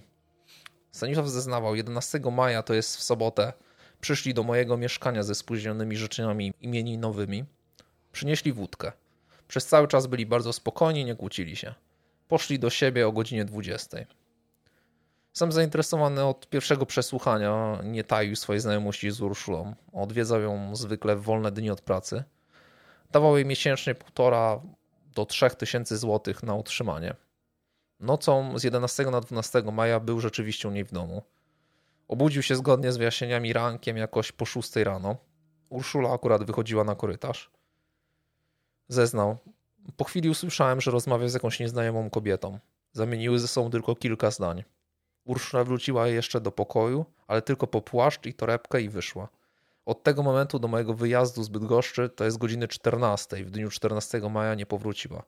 Nie wiem, co się mogło jej wydarzyć.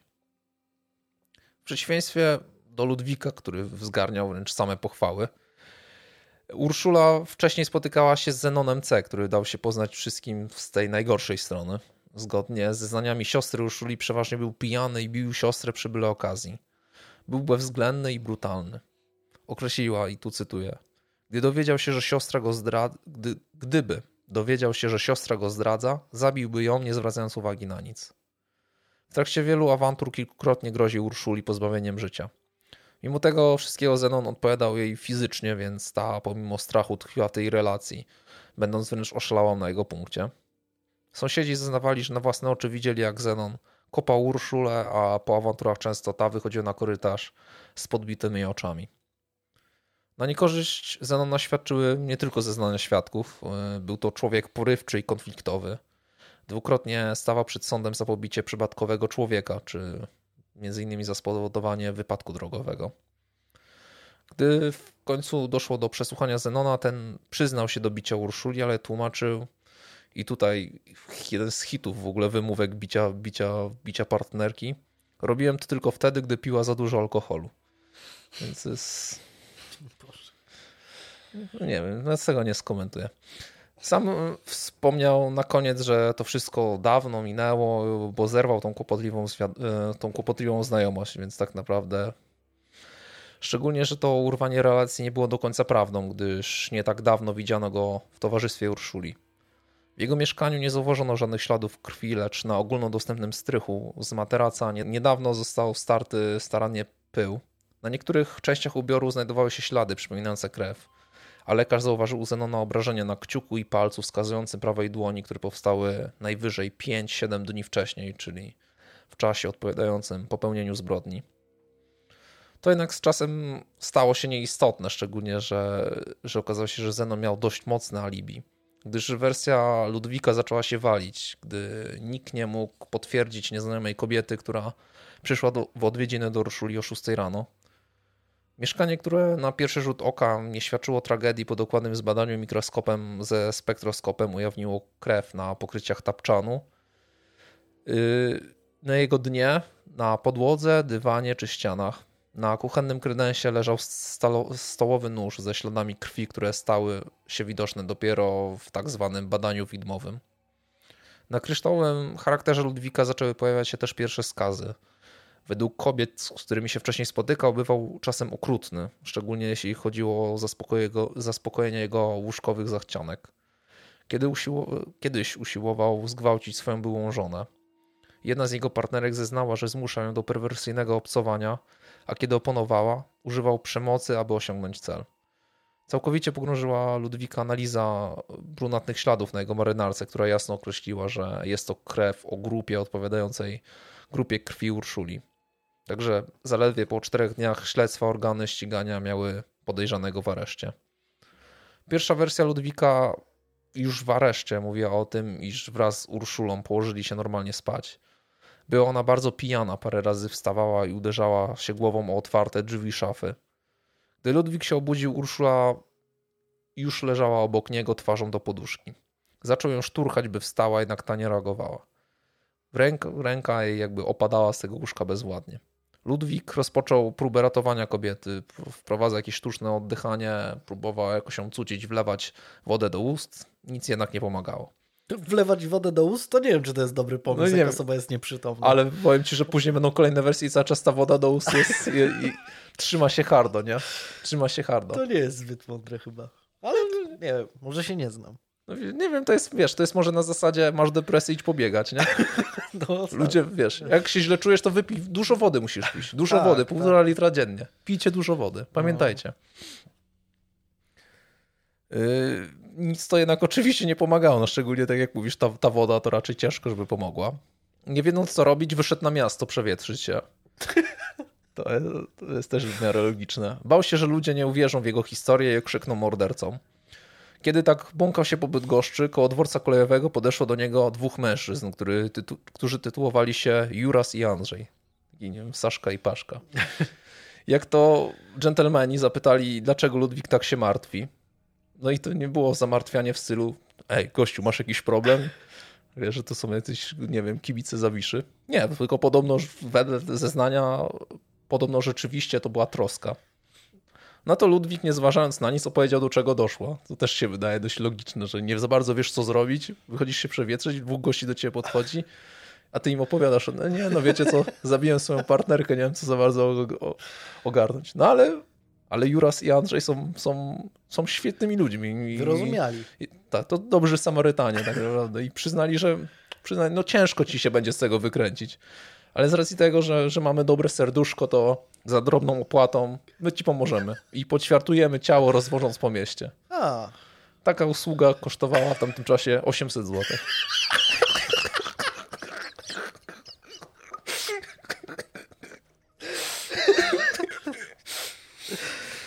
Oh. także, także wskazał, wskazał śledczym, gdzie znajduje się reszta ciała, czyli korpus odnalazł się w gliniance przy wysypisku śmieci Bydgoszcz Wschód, a głowa w lasku opodal Trzcińca. Biegli określili jednak, iż cytując, charakter i umiejscowienie oraz rozległość przeżyciowych obrażeń na szyi i głowie Urszuli świadczy, iż bezpośrednią przyczyną zgonu było zadławienie. Inne obrażenia o cechach przeżyciowych dowodzą o stoczonej walce z napastnikiem. Podbiegnięcia krwawe na głowie, szczególnie po stronie prawej, przemawiają za tym, że te okolice uderzono płaskim, twardym przedmiotem lub uderzono głową o taki przedmiot.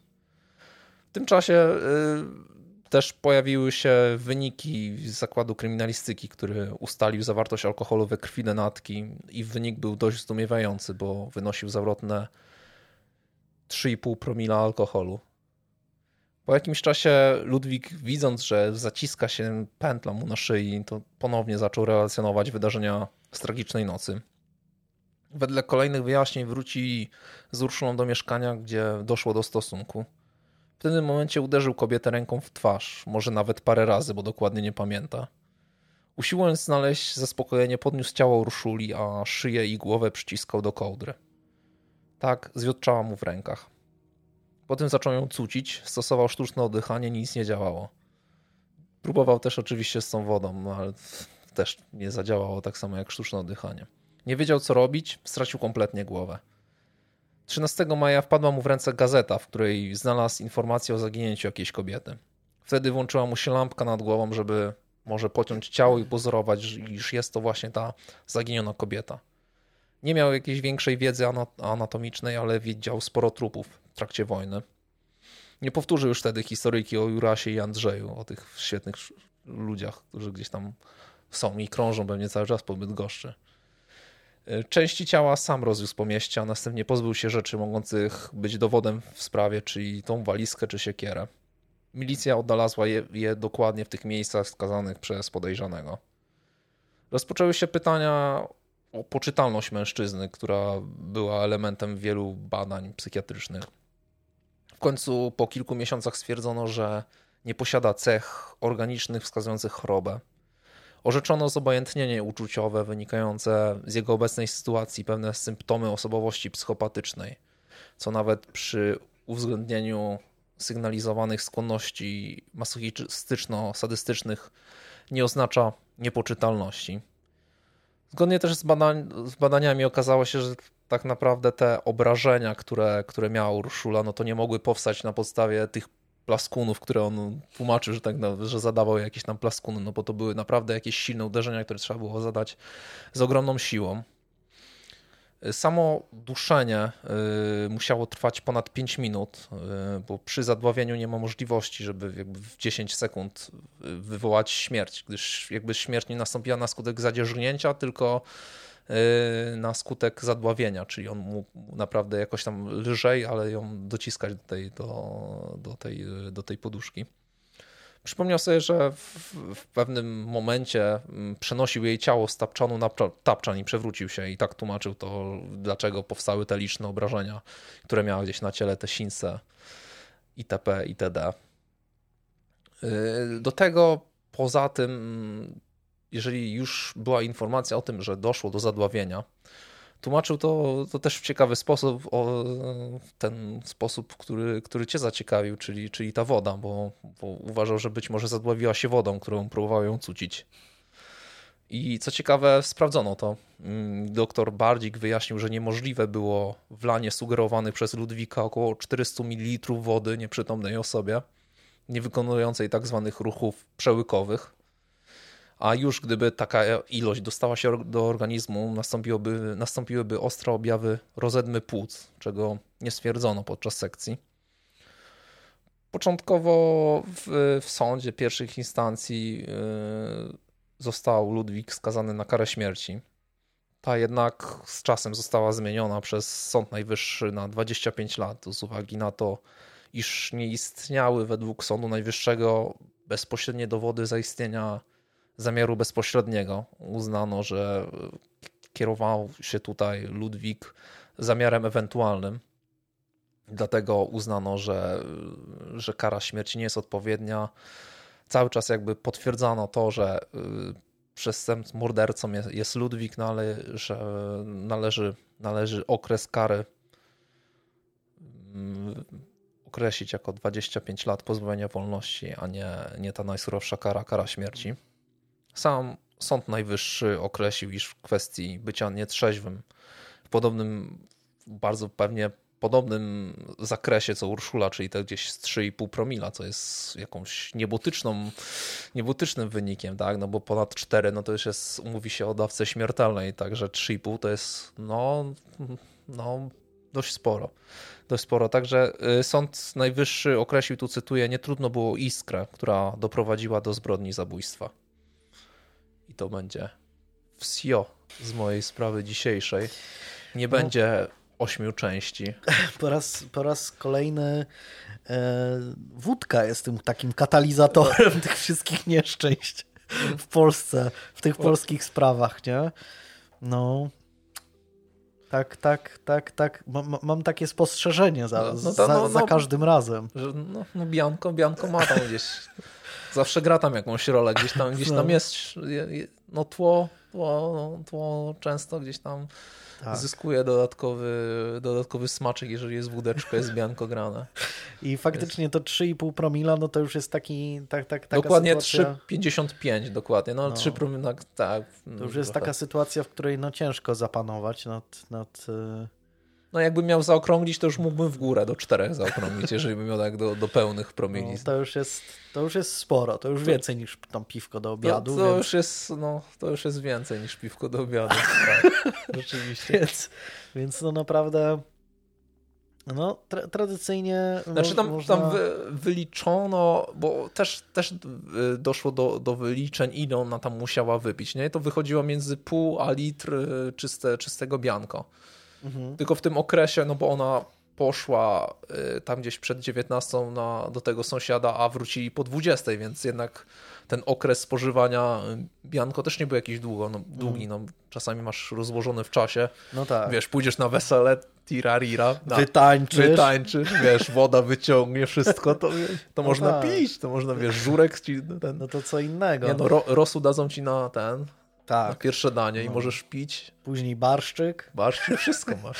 I ten, no tak, no to, no, no ale to myślę, że znowu e, dochodzimy do e, znanego, e, znanego motta, że e, wódka to największy wróg mężczyzny. No. Tak, tak, tak. Alkohol. Alkohol. alkohol. No rzeczywiście, no hydrozagadka już lata temu wiedziała mniej więcej My dopiero tak. teraz doszliśmy do tego wniosku, a, a, a, a, a scenarzyści hydrozagadki już no. tyle lat temu. No, no tak, te, te, Może znali tak tą historię, no bo hydrozagadka, nie wiem, wiesz, pamiętasz w którym roku hydrozagadka? Ale kurde, każda prawie historia kryminalna z Polski to jest, kurde, zawsze jest gdzieś tam wódeczka grana. No ale skąd, wiesz, nie wiesz, czy taki Zodiak też sobie tam gdzieś Wiesz, nie, no nie jest na, na odwagę, nie? Nie jest mówione. Nie jest mówione, może sobie na odwagę, wiesz, żeby rozgolić chmurki tak, na kurażu no, takiego może, zwykłego. Może być, no, może być. Może też miał trzy tam, wiesz, trzy promile, nie? Jak no. dlatego masz te błędy ortograficzne, ten tak naprawdę to, to nie jest żaden szyfr, tylko on po prostu już miał takie, no. wiesz, delirkę w rękach, że po prostu mu się jakieś te, te, te, te tak, literki no, mu się nie no, myliły. W wypadku Xaviera de Ligonnès, no to też tam flachy znaleziono, nie? W, w jego w tym, w, tym, w tym sarkofagu, który tam swojej rodzinie zgotował, więc, więc no może tak, no ale mimo wszystko nie było ta wódka, tylko jakieś tam likiery popijał, czy coś takiego, więc no, no ale to Francuz, no, ale to, to wiesz, wiadomo. Ale, to, ale wiesz, co, butelka była po likierze, ale... może nie? bimber był A może bimber był to wlany. Podlaski. Podlaski. Podlaskie to są najczęściej taki, wiesz, y, w tych, w butelkach po oleju kujawskim. Ma, masz doświadczenie. Mam doświadczenie. E, dobra, no to, no to, a w ogóle są jakieś zdjęcia? Zawsze się o to pytam. Są jakieś nie, zdjęcia? Nie ma, nie ma, nie ma tak, że będę musiał chyba mapkę zrobić. No to nie? będziesz musiał przygotować jakiś, nie wiem, materiał e, graficzny. No, tak. No mogę jutro pojechać tam zdjęcia zrobić tego o, toru regatowego. O, albo o, tak. Sam zrobię zdjęcia. Albo tak, no. O. Przy, o, zrobię zdjęcia przystanku autobusowego. Można. Można jak najbardziej. Jeszcze jak. No, no to, no to w takim razie mam nadzieję, że nie tylko ja czekam, czekam na to, e, ale, ale inni też chętnie zobaczą. Więc e, tak. W takim razie to, e, to wszystko. Mówiąc słowami mojej ulubionej youtuberki, już niebawem widzimy się w kolejnym fascynującym odcinku. Źródła znajdziecie pod odcinkiem, a zdjęcia i różne inne, różnego innego rodzaju materiały znajdziecie na Facebooku, E, i na naszej grupie, na której możemy sobie miło porozmawiać, podyskutować. Pogawędzić. To wszystko. E, trzymajcie się, do następnego. Cześć.